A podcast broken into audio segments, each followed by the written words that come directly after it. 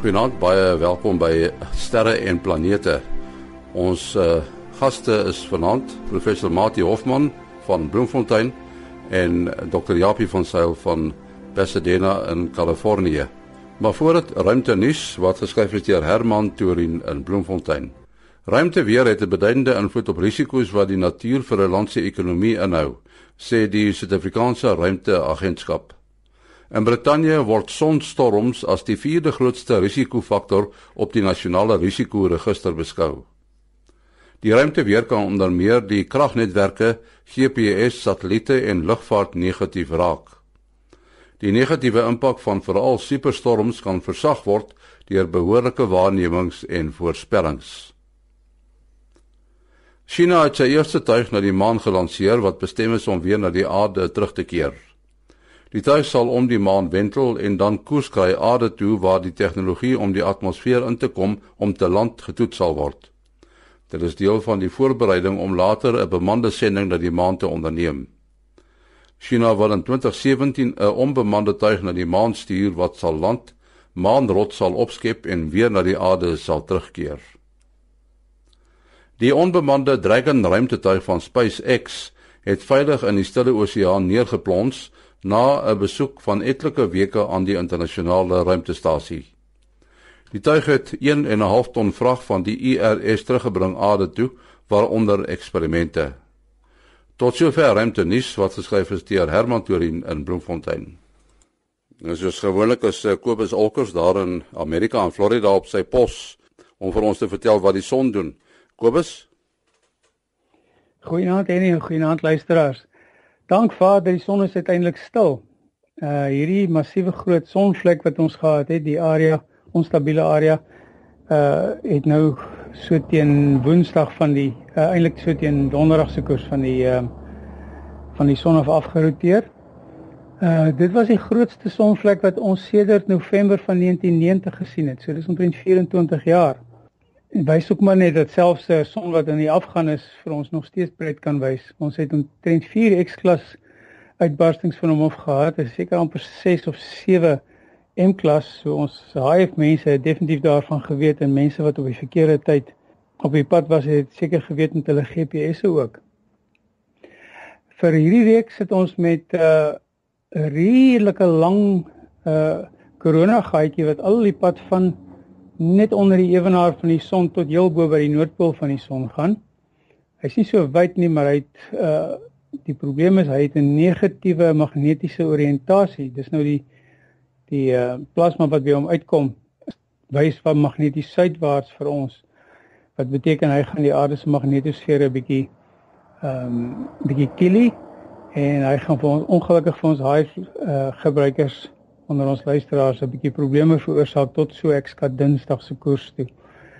Dan het ons twee redelike lang filamente. Uh elkeen omtrent 'n kwart van die van die son se se hemisfeer lank. Uh die een in die suidelike halfrond, die een in die noordelike halfrond. Uh die onderste enetjie lyk vir my 'n bietjie onstabiel. Dit lyk asof hy dalk kan platval en vir ons 'n harder fakkel gee. Boonsteen lyk baie solied. Goed, koop as jou kontak uh, besonderhede. Dit is uh kobusolkers@gmail.com k o b u s o l c k e r s by gmail.com. Baie dankie Kobus Olkers in uh, Florida in Amerika. Matie, ons het uh nog nie eintlik veel komete gesien hierdie jaar nie en uh die komeet uh, ek dink was laas jaar nê, daardie ene wat uh so naby die son verbygeskuur het wat toe eintlik niks was nie. Maar Pan Stars, die gaan in November, gaan dit miskien vir die uh, blote oog sigbaar word. Uh, vertel ons 'n bietjie van Pan-STARRS. Uh, ja, Pan-STARRS is een van die uh bietjie meer voorspelbare komete vir hierdie jaar. Nou daar's nou wel ander komete wat nou baie nuus was, nie omdat ons kon sien nie, maar omdat daar iets gebeur het. Uh ons kan nou dink aan uh die die Rosetta tuig nou, die komeet met die moeilike naam. Churyumov Gerasimenko. Ag wel, die die die die komeet wat uh, deur die Rosetta tuig besoek word en dan nou die uh, Siding Spring wat uh, nou net laasweek daar by Marskrans verby was. Uh nou dis raak nou 'n gewilde tyd verdryf. Daar's mooi vergelykings. Mens kan byvoorbeeld uh, Universe Today kyk waar hulle nou al hierdie bekendste voorwerpe met mekaar vergelyk. Uh en dan sal mens nou sien dat hierdie uh sliding spring is nou maar 'n uh, klein baie baie klein in vergelyking met ander bekende asteroïde en uh komeetkerne en so meer. Uh nou die Pan-STARRS, ek sien hulle noem hierdie na uh, datum 7 November. Uh, daai kan eerste maar as 'n baie dowwe voorwerp daar in die noordelike halfrond, maar dan beweeg hy suidwaarts. Uh soos hy nou begin helderder word, uh dan is dit nou meer in die suidelike halfrond uh wat ons nou uh, bevoorreg sal wees nou. Komete is baie lekker verkyker voorwerpe en terwyl die die vakansieseisoen en die kersseisoen nader kom vir die mense wat nog nie verkykers eh, gebruik om na die sterre te kyk nie is dalk 'n goeie tyd om weer bietjie te gaan inkopies doen en dan kan mens nou maar kyk na hierdie 7 by 50 of dalk 'n 10 by 50 tipe verkyker. Mens kan groter verkykers kry, maar dan moet jy aan 'n montering begin dink. Uh en dan vir die komete omdat ons nou meestal nie uit ideale omstandighede kyk nie behalwe as jy nou op donker maandag na die Karoo ry, uh kyk jy nou maar uit dorps of stadsomgewings uh, en dan het mens nou maar 'n komeer 'n verkyker nodig ten minste vir 'n begin. Uh en dan moet jy nou maar die vinderkaarte gaan soek. Ek kan nou nie dadelik vir die mense sê uh presies wat uh, rigtings hulle moet gaan kyk nie. Dis daarom nou nog so uh oor 'n uh, week dan kan ons nou nader aan die tyd vir hulle uh, meer spesifiek sê presies in watter rigtings om te kyk vir die uh, komeet. Nou wat my stippies kan verwag om van komete te kan uh, te kan sien is die koma. Dit lyk baie duidelik nie soos 'n ster nie. Dit is so amper soos 'n ster uit fokus uit en as hy nou naby genoeg aan die son kom en hy begin die ster wys, uh, dan is dit nou al 'n stukkie opwinding. Die beste is uh, as dit nou met die blote oog sigbaar wees, maar dit gebeur net so eenmaal in 'n paar jaar. Nou as die mense wil weet wat om te verwag om te kyk, uh dan kan hulle byvoorbeeld gaan kyk na daar naby Antares is 'n bolvormige sterrehoop. Antares is nou die rooi ster naby Mars. Uh en dit lyk baie soos 'n komeet kern maar dit is eintlik 'n sterrehoop maar in voorkoms deur 'n verkyker is dieselfde of mens kan na die naby die klein Magellaanse wolk na die 47 Tucanae kyk of na Omega Centauri naby die Suiderkruis maar dit lê nou bietjie bietjie laag.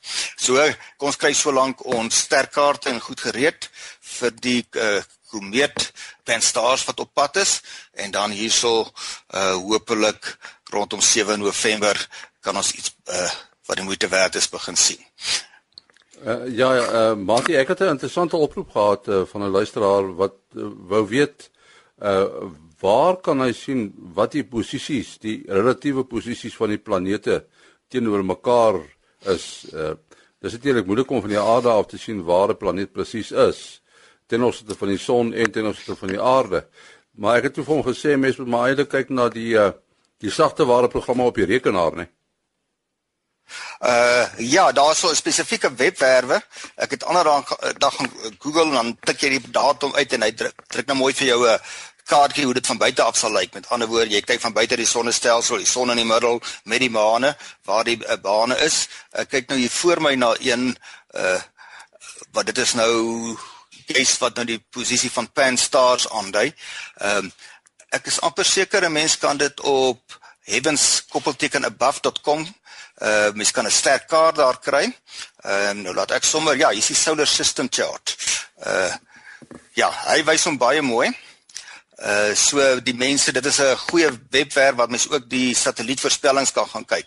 So dit is www.heavens.above.com en dan is daar 'n solar system chart. En wat nou nogal interessant is, ek hou daarvan om dit te doen, as jy nou daai kaart vat, soos dit van buite die sonnestelsel sou kyk en jy gaan probeer dit koppel aan dit wat jy hier van die aarde af sien. Met ander woorde, as ons nou vroeg aand uitgaan en ons kyk in die rigting waar die son onder gegaan het, uh dan sien ons so entjie bo die horison.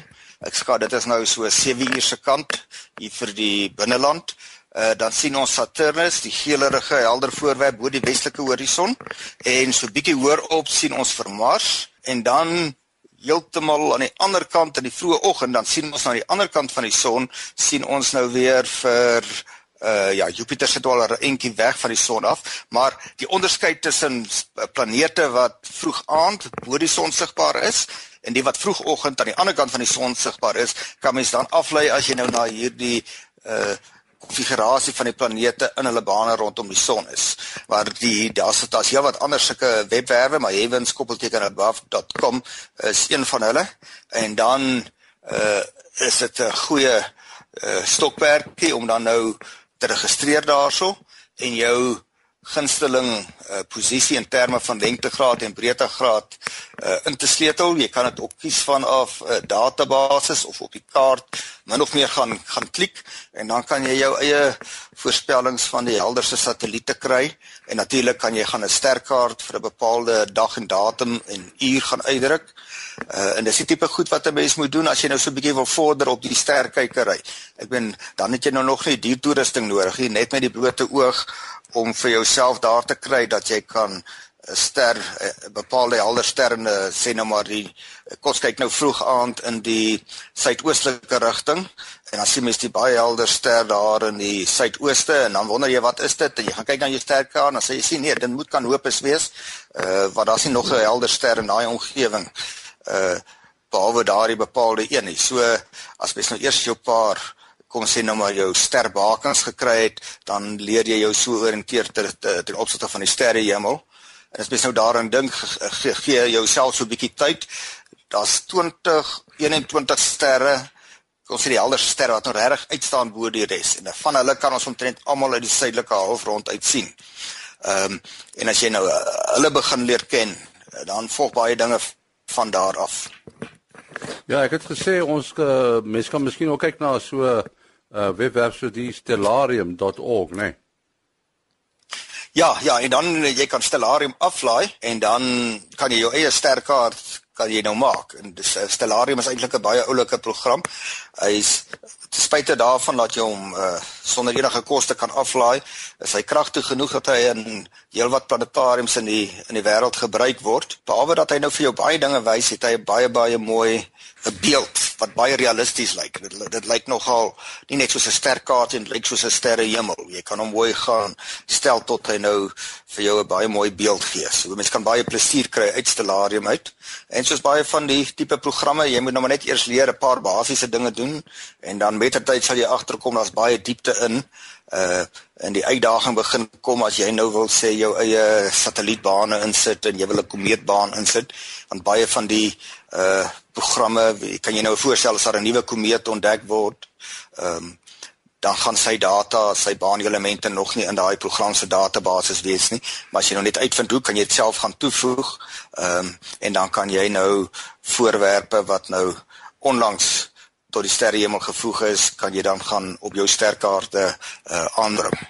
Maar mens het maar as jy nou enigstens begin gereeld kyk, moet mens maar jou sterkaarte begin kry en jy moet hom maar kan uitdruk partykeer is dit gerieflik om nou jou uh, teleskoop ag jou rekenaar byderhand te hê maar baie keer ry jy rond of jy staan iewers in die veld dan wil jy maar 'n stukkie papier hê en wat dan natuurlik altyd ook uh, nuttig is. Jy het nou 'n bietjie so 'n konflik tussen twee dinge. Jy wil graag op jou sterkaart kyk maar jy wil graag hê jou oë moet aan die donkerte gewoond uh, gewoond raak want dan kan jy dowwer sterre sien.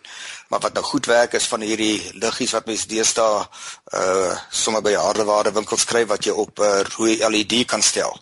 Daardie rooi liggie uh werk baie goed want jy kan uh, goed in die donkerte met die rooi lig sien maar jou oë werk sodat dit nie sy uh nagsig vermoë of jou jou donker aanpassing uh, veel benadeel nie. So 'n uh, rooi flitsie of jy kan maar rooi selofaan voor 'n wit lig flitsie sit. Ehm uh, maak hom net dik genoeg dat hy nie te helder is nie.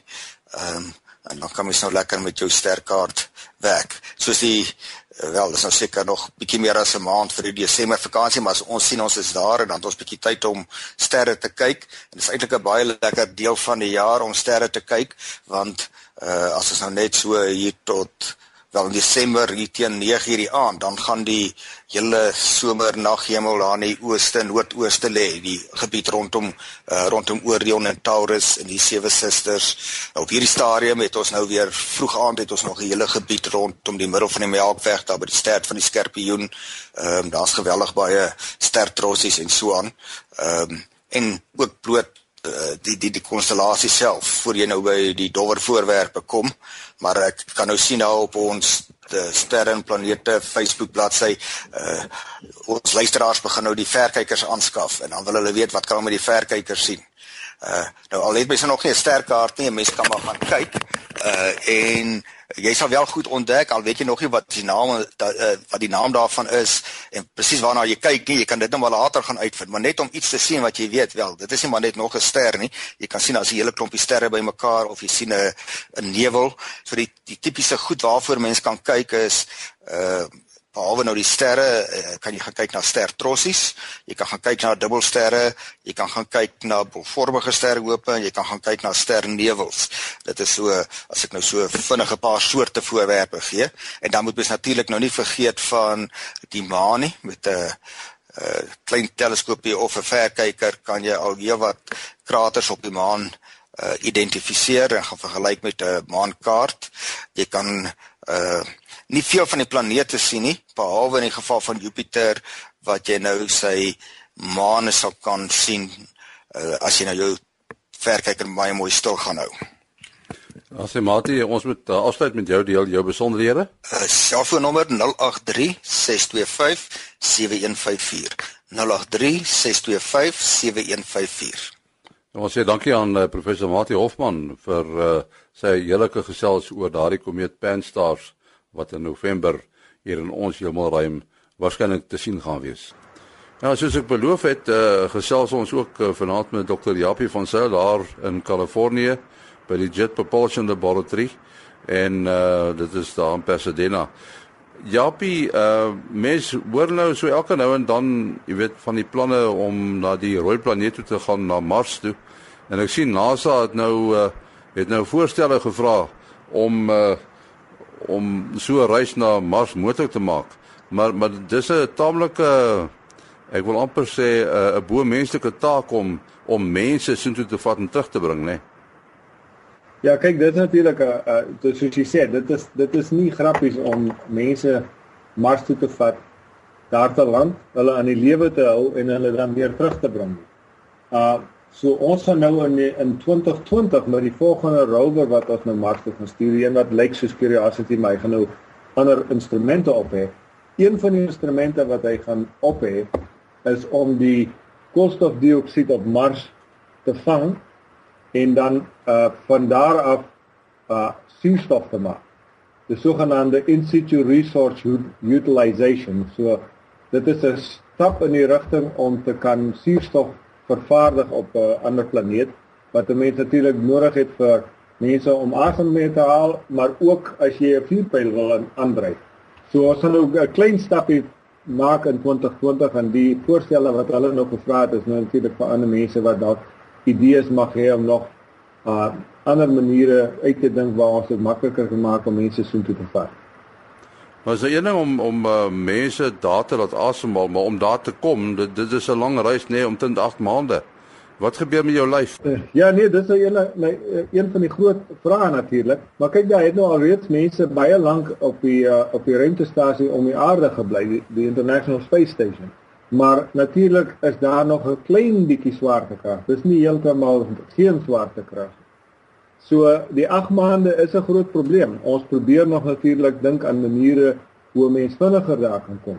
Nou NASA werk aan 'n groot vuurpyl, die sogenaamde SLS of Space Launch System. En as die groot vuurpyl nou uh, tot werklikheid kom om die waarheid te sê, hulle gaan die eerste toetsvlug hier in Desember hou. En as hy dan nou 'n uh, uh, uh, werklikheid word, dan behoort ons uh, die tyd na Mars toe 'n bietjie te kan afsny, 'n maand of twee want hy het eh, kan ons natuurlik nou 'n bietjie meer spoed gee as ons die aarde verlaat. So dis eintlik wat 'n mens wil hê as jy meer spoed het, dan kan jy daai spoed volhou na die planeet toe. Dis reg. Die ander manier waarop 'n mens nou meer spoed kan kry natuurlik is om gedurig te versnel. Maar soos ons nou uh, op die huidige stadium ons satelliete lanseer, ons gebruik die groot vuurpyl hier op die aarde om ons dan 'n sekere spoed uit die aarde uit te gooi, sal ek maar sê en uh daarmee ry ons dan nou tot op die Mars aankom. Daar is 'n tegnologie wat ons electric propulsion noem. En basies vat jy 'n materiaal saam wat 'n uh, uh, elektriese lading op het en dan as jy dan die ding vrylaat en jy dan kan jy die partikels versnel deur 'n elektriese veld net agter die um, agter die satelliete sit. En ons het dit nou baie suksesvol gebruik om 'n satelliet na die um, uh, asteroïde uh, Vesta toe te stuur en uh, daarvan af weer weggetrek en ons kom nou volgende jaar by uh, in Maart maand 2015 sal ons by Ceres aankom. Nou mense kan hierdie soort van tegnologie ook gebruik om gedurig te versnel maar ons het groter engines as wat ons vir vir hierdie sogenaamde Dawn mission gebruik het nodig vir dit. En ons werk natuurlik daaraan ook hier hier uh, by NASA hier by JPL en by ander plekke in NASA. Nou as jy teen 'n geweldige snelheid aankom by Mars, dan moet jy natuurlik goeie remme hê want uh, Mars se gravitasie is nie soveel soos hier by die aarde nie, né? Dis reg. Ek kyk nou dan moet jy nou weer dis natuurlik die groot uh, probleem, mense kan nou almekaar versnel, dan kom jy baie vinnig daar aan, maar dan moet jy nou weer vir verskilllik verskriklik rem soos jy sê. Maar dit kan gedoen word deur die die uh, sal ek maar sê die baan baie versigtig te beplan sodat jy miskien 'n bietjie uh um vlakker hoek teen die in die uh, atmosfeer intrek. Dit beteken jy ry verder deur die atmosfeer. Jy gebruik die atmosfeer om jou te te uh jou te rem so so so te sê. Maar as 'n mens dit doen, dan moet jy natuurlik weer 'n ander probleem optel want dan gaan jy nou weer baie hitte veroorsaak soos wat jy deur die atmosfeer ry. Maar gelukkig het ons daarom uh, redelike goeie materiale waarmee ons die voorheen die die die space shuttle die uh uh beskerm het soos wat ons teruggekom het van buite af en en uh die luisteraars het, het seker al gehoor van die sogenaamde Dragon capsule wat um Elon Musk, 'n oud Suid-Afrikaner se se maatskappy SpaceX gebruik. Uh hulle het nou juist net gister weer in die see hier geland. So ons het dan ons het die materiale waarmee ons dit goed kan beskerm Dis natuurlik net 'n bietjie swaar, maar dit is nou een van die dinge wat ons tegnolo tegnologies nog moet uitwerk. Ons praat dus van snelheid en as 'n mens nou uh, na hierdie ruimte flieks kyk en so maar hoor mense die begrip warp speed. Is is so iets moontlik? Teoreties is dit moontlik. Mense het nog nie prakties die die warp speed behaal nie. Warp speed by uh, die naam kom van die feit dat jy trek so vinnig dat dit lyk asof die ruimte uh gevou is amper soos 'n mens se papier sou vou. Uh dis 'n uh, warp jy warp die hele die ruimte om. Jy buig hom, né? Nee. Ja, jy buig hom soos wat jy 'n papier sou gebuig het. Um teoreties is dit moontlik. Uh niemand het nog ooit ooit 'n praktiese manier uitgewerk om daar te kry nie. Um daar was 'n studie in die 1960s wat mense voorgestel het om 'n sogenaamde puls um transportstelsel en die puls waarvan hulle gepraat het was 'n um, 'n kernontploffing. So jy moet jy 'n klomp kernbommetjies met jou saamgevat en kort kort die kernbommetjie agter jou satelliet laat ontplof en laat hy nou aanstoot. Nou ek dink dit sou vandag so goeie goed oor mense sal nie so ge, ge, ge, gemaklik wees as ons so iets probeer nie. Nou ander ding wat ek vir jou wou vra Japie, as 'n mens nou na die webwerf gaan van uh, JPL, dan sien jy mense die naam Caltech ook daarby die California Institute of Technology. Is dit dieselfde plek? Caltech is die uh, is 'n universiteit hier in in Kalifornië en JPL is deel van Caltech. So ons is deel van die Universiteit California Institute of Technology. En ek gee byvoorbeeld klas by by die universiteit. Uh uh jy weet in in in die goed wat ons hier by JPL doen. So is daar uh, sulke vakke ruimte tegnologie of of is dit fisika? Uh Caltech is um is baie bekend vir fisika. Om die waarheid te sê, as, as ek reg onthou, ons het nou iets soos 33 Nobelpryse gewen. En meeste van hulle was in fisika van wat Caltech gewen het. Is uh 'n klein hoeveelheid was in medies en 'n paar in in um in chemie, maar meeste was in fisika. So Caltech is eintlik baie baie bekend vir vir vir sy fisika, maar ons doen baie ingenieurswese ook. Ons het 'n ruimte ingenieurswese meestersgraad en 'n en 'n doktorsgraad byvoorbeeld wat hulle daar aanbied in ons sogenaamde aeronautics engineering. En is daar 'n groot vraag na hierdie studierigtinge? Ja, daar's 'n baie groot vraag, maar jy, maar jy moet onthou Caltech is 'n baie klein universiteit. Dit is 'n totaal van 1800 studente uh 900 voorgraadse studente en 900 nagraadse studente. So dis baie moeilik om by die universiteit in te kom. Maar daar's 'n baie groot vraag vir hierdie vir hierdie graad. Ja, veral nou omdat die private sektor ook toetree tot die uh die ruimteaktiwiteit. Mense dink nou aan SpaceX, né? Ja, natuurlik. Uh dit dit uh, maak natuurlik nou nog 'n groter vraag vir hierdie soort van uh opgeleide ingenieurs wat uh die groot voordeel wat studente by Caltech natuurlik het en dis wat ek gehad het toe ek 'n student was daar oorspronklik is dat jy kan werk direk terwyl jy jou doktorsgraad doen kan jy werk met mense hier by JPL. So jy kry daai direkte ondervinding deur op projekte hier by JPL te werk terwyl jy jou graad doen. En en waarop het jy jou doktorsgraad gedoen? My doktorsgraad was oorspronklik op 'n tegniek wat 'n uh, synthetic aperture radar genoem word. Dit is 'n spesiale soort van radarstelsel waarmee mens kan foto's neem wat lyk soos ligfoto's. En die groot voordeel van 'n radar bo 'n gewone kamera is die syne kan deur wolke en uh deur wolke gaan en so met ander woorde as dit bewolk is kan jy foto's van die grond neem. Uh jy kan ook in die nag foto's neem natuurlik want die studio eie syne. Die tegnologie word nog gebruik.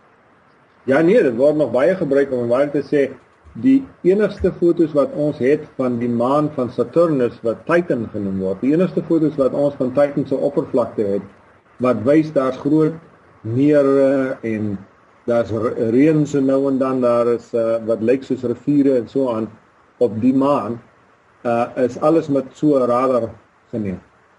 Want die gewone kameras die die uh, atmosfeer van Titan is is ver te dik vir 'n gewone kamera om daar weer te sien. Selfs met Venus, ons het 'n baie goeie um uh kaart van die oppervlak van Venus wat ons met uh, met 'n radar in die vroeg in die 1990s geneem het. En uh is dan nou 'n veld wat jy nou op spesialiseer op die oomblik of uh, uh is jy meer in 'n bestuurs uh, hoedanigheid? Nee, vir my vir my uh, wetenskaplike navorsing werk ek nog steeds met radar. Uh my uh toepassing op die oomblik is om die radar syne te gebruik om te sien hoe uh hoeveel vog is daar in die grond sodat 'n mens kan weet hoe nat hoe, hoe nat die grond is sal ek maar sê want dit is 'n groot uh sein wat um die die vog wat uit die grond uit verdamp is 'n is 'n belangrike sein uh, deel van die van die klimaatsein wat mense in die in die aarde se atmosfeer het. So ons gaan nou juis ehm um, die 29ste Januarie is die is die huidige datum van ons sending lanseer wat uh, om die aarde sal gaan en sulke sogenaamde soil moisture kaarte maak. Elke elke 3 uh, dae gaan ons die aarde die hele aarde karteer en en dan uh, uh sien hoe hoe nat is die so die grond op op verskillende plekke uh, om die aarde en uh, en dan kan nou mense daarvan af be, bereken van hoeveel vog word in die atmosfeer ingestuur. Nou ja, op jou besonderhede as mense met jou wil in verbinding tree. Is japijpl@gmail.com. japijpl@gmail.com. Dan sê Dr. Japie van Sail van die Jet Propulsion Laboratory. My besonderhede maas.henny@gmail.com. maas.henny@gmail.com. Tot volgende week. Mooi loop.